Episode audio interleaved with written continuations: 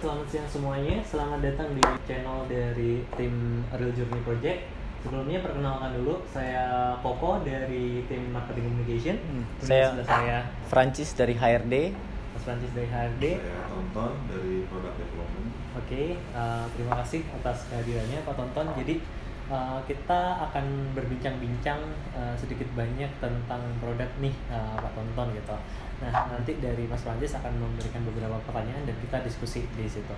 Mhm. Oke, silahkan dari Mas Francis. Eh, eh, Pak Tonton kita kan dari Isuzu Astra Motor Indonesia ini memiliki visi misi di mana salah satu visinya adalah menjadi dominan player in the segment where we serve in Indonesia dan kemudian menjadi world class manufacturing base in Isuzu Group. Tapi di dalam misinya sendiri kita ingin mendeliver best value eh, trusted product and solution. Nah hari ini kita akan berbicara mengenai uh, Isuzu Trusted Product. Jadi kita akan banyak berbicara mengenai uh, produk yang ada di Yami. Sebenarnya saya juga penasaran Pak, bagaimana sih kurang lebih perkembangan produk Isuzu sehingga membuat Yami itu masih relevan sampai saat ini Pak? Ya, jadi saya coba ceritain sedikit dulu lah Ya. historicalnya ya. Jadi kalau kita tahu Isuzu ini sebenarnya produsen kendaraan komersial nomor satu di dunia. Ya kita udah nomor satu di 38 negara sampai dengan hari ini. Dan memang kita eh, dibilang sangat fokus untuk eh, diesel engine. Nah, diesel engine kita itu punya kelebihan eh, fuel consumption yang sangat baik dan durability yang sangat Hmm. baik. Kalau kita lihat di Indonesia sendiri perkembangan Isuzu ini sebenarnya dimulai dari tahun 60. Tahun 60 itu eh, udah ada yang namanya Isuzu Bison. Isuzu Hmm. Bison atau kodenya Isuzu TLD. Nah, dulu banyak warnanya kuning tuh. Nah, Isuzu Bison ini eh, mulai digunakan waktu itu banyak dipakai di instansi-instansi pemerintah. Jadi Oke. ada truk pemadam kebakaran, ada truk sampah. Terus eh, dari situ eh, di tahun 90-an Isuzu Bison ini berubah total jadi Isuzu L. Nah, itu merupakan salah satu eh, apa ya tonggak sejarah lah untuk untuk kita Isuzu di Indonesia. Nah, kita mulai menelurkan produk-produk yang memang sesuai untuk eh, penggunaan di Indonesia. Dan di tahun 91-an pasti semua inget lah waktu itu pertama kali kita launching Isuzu Panther dan iklannya itu waktu itu cering cering cering 44 ribu. Hmm. Jakarta Bali. Bali. ya. Nah di situ juga kita buat satu inovasi di mana mesin diesel ini bisa menghasilkan fuel efisiensi yang sangat baik. Lalu eh, kita nggak berhenti di situ gitu. Kita juga di sekitar tahun 2000 2006 lah ya kita ada satu produk yang merupakan pelopor lah waktu itu itu namanya Isuzu Elf Microbus Hmm. jadi di saat itu memang belum ada eh, kendaraan untuk mengangkut penumpang dengan kapasitas eh, 15 orang. Dan memang saat kita launching ya booming sekali waktu itu. Dan sampai hari ini kita masih mengenal Elf Microbus. Dan ternyata kita juga nggak berhenti di situ gitu. Jadi eh, di tahun 2011 itu kita melaunching eh, Isuzu Giga. Jadi Isuzu Giga itu merupakan medium truck common rail yang pertama Hmm. di Indonesia. Oke. Nah, memang waktu itu pertaruhan ya karena teman-teman eh, atau atau merek lain itu masih menggunakan sistem eh, konvensional direct injection di mana paradigmanya common rail itu akan ada masalah karena kualitas bahan bakar yang memang belum bisa memenuhi gitu dengan yang dibutuhkan oleh uh, sistem common rail. Tapi begitu kita launching dan dan sampai dengan hari ini berarti 2011 sudah 2019 sudah 8 tahun ya. Sampai dengan 8 tahun ini kita berhasil membuktikan bahwasannya common rail Isuzu adalah yang sangat cocok untuk digunakan di Indonesia. Nah di situlah kita lagi-lagi membuktikan bahwasannya mesin diesel Isuzu ini uh, cukup tangguh lah dan punya uh, efisiensi bahan bakar yang yang sangat baik. Dan kalau bicara produk yang terakhir nih di 2018 kita launching Isuzu Traga. Jadi ini merupakan uh, medium pickup uh, world Hmm. premiere ya. Jadi pertama kali diproduksi di Indonesia dan akan ditujukan ke pasar ekspor juga. Jadi kita sebagai production base Mhm.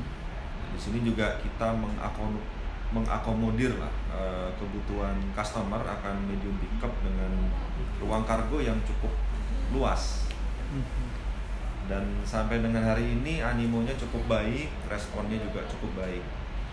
Dari semua yang saya ceritakan tadi yaitu adalah bentuk eh, apa ya, bentuk inovasi ataupun usaha kita, usaha kita untuk memenuhi semua kebutuhan konsumen. Dan tentunya eh, kita juga tidak lupa akan inovasi gitu. Karena tanpa adanya inovasi ya ya kita akan begitu-begitu aja gitu. Jadi kurang lebih itulah eh, apa ya usaha kita bagaimana caranya sampai dengan hari ini kita bisa relevan. Oke. Uh, kalau dari saya Pak, saya ada pertanyaan nih. Biasanya mewakili karena dari kami di marketing communication biasanya mendapat pertanyaan-pertanyaan dari teman-teman media gitu atau teman-teman yang lain, kenapa sih Panther nggak ada gitu? Atau pertanyaannya uh, dulu Isuzu terkenal dengan Panther, tapi hari ini bisnis kita sudah berubah gitu atau apa namanya kita sudah fokus di uh, kendaraan niaga. Mungkin ada sedikit penjelasan mengenai hal tersebut Pak? Ya. Jadi bisnis itu kan ya pertama kita melihat peluang. Yang kedua kita melihat kebutuhan marketnya sendiri. gitu. Nah begitu kita melihat peluang ini, ya terus terang memang peluang Isuzu untuk bermain di segmennya apa MPV ya. MPV. MPV ini kita melihat tidak terlalu besar Oke. karena memang kebetulan ada beberapa ya ada teman-teman yang memang sudah sangat fokus di situ Oke. dengan berbagai macam kelebihan mereka. Nah, di satu sisi kita melihat peluang di di komersial ini sangat terbuka lebar dan kebetulan memang eh, ya bicara Isuzu di dunia ya truk. Akhirnya kita coba fokus ke ke komersial vehicle di Indonesia dan dan kita pikir ya ini juga eh, efeknya juga untuk perekonomian Indonesia juga eh, sangat signifikan ya. Artinya ya namanya truk itu kan kendaraan pengangkut gitu ya. Kendaraan pengangkut eh, untuk distribusi untuk eh, logistik ekspedisi. Jadi harapannya dengan kita fokus di komersial ini kontribusi kita terhadap Indonesia terhadap perekonomian Indonesia juga lebih signifikan. Oke. Uh, jadi saya coba simpulkan yang pertama ketika kita bicara soal mobil berarti kita ngomongin soal bisnis peluangnya itu. Kemudian yang kedua adalah tentang marketnya. Dan ketiga Isuzu hari ini kita di dunia uh, terkenal sebagai uh, design engine uh, terkenal dengan ketangguhannya dengan keiritannya terutama gitu. Dan kita nomor satu di 38 negara. Hal ini yang meyakinkan kita bahwa kita ada di bisnis yang benar di kendaraan niaga. Begitu Betul. ya pak? Oke. Kalau eh, Pak Tanto sendiri Pak sebagai dalam tanda kutip nih pemimpin dalam hal product development yang ada di Isuzu Astra Motor Indonesia, kita tahu bahwa eh, ada beberapa tren nih Pak yang lagi booming nih Pak ya, misalkan eh, seperti ada B20, B30 gitu kan Pak ya. Nah dari Yami sendiri secara produk tuh menyikapi perkembangan tren ini seperti apa nih Pak? Ya. Jadi bicara B20 atau B30 ini yang pertama kita melihat ini sebagai eh, langkah dari pemerintah untuk memanfaatkan bio yang ada di Indonesia. Karena memang bio kita itu termasuk kualitasnya terbaik Hmm. untuk dipergunakan eh, sebagai fuel.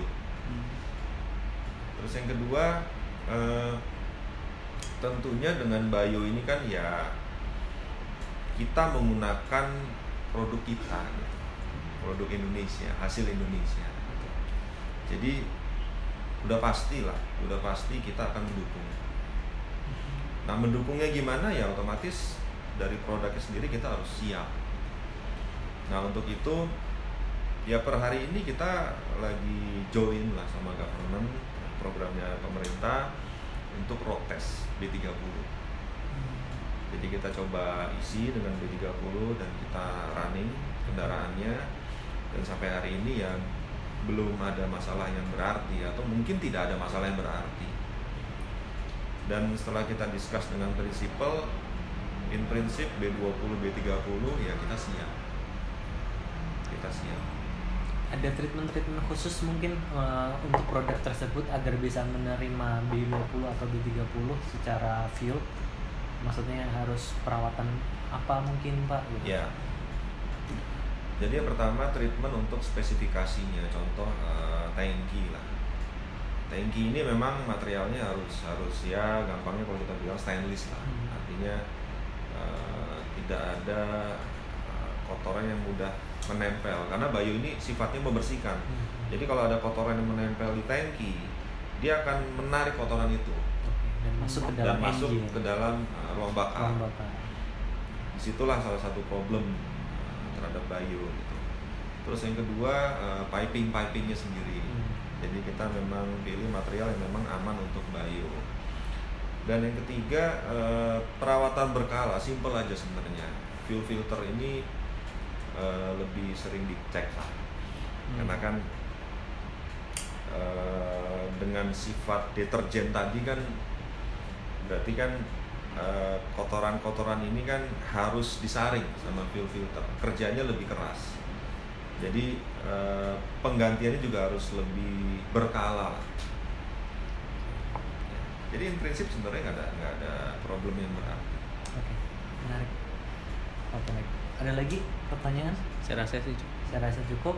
Cukup Oke. Pak Nonton. Terima Oke. kasih banyak untuk waktunya. Hmm. Oke kasih. terima kasih Terima kasih banyak. Eh, kita ketemu lagi di edisi selanjutnya. Dah. see you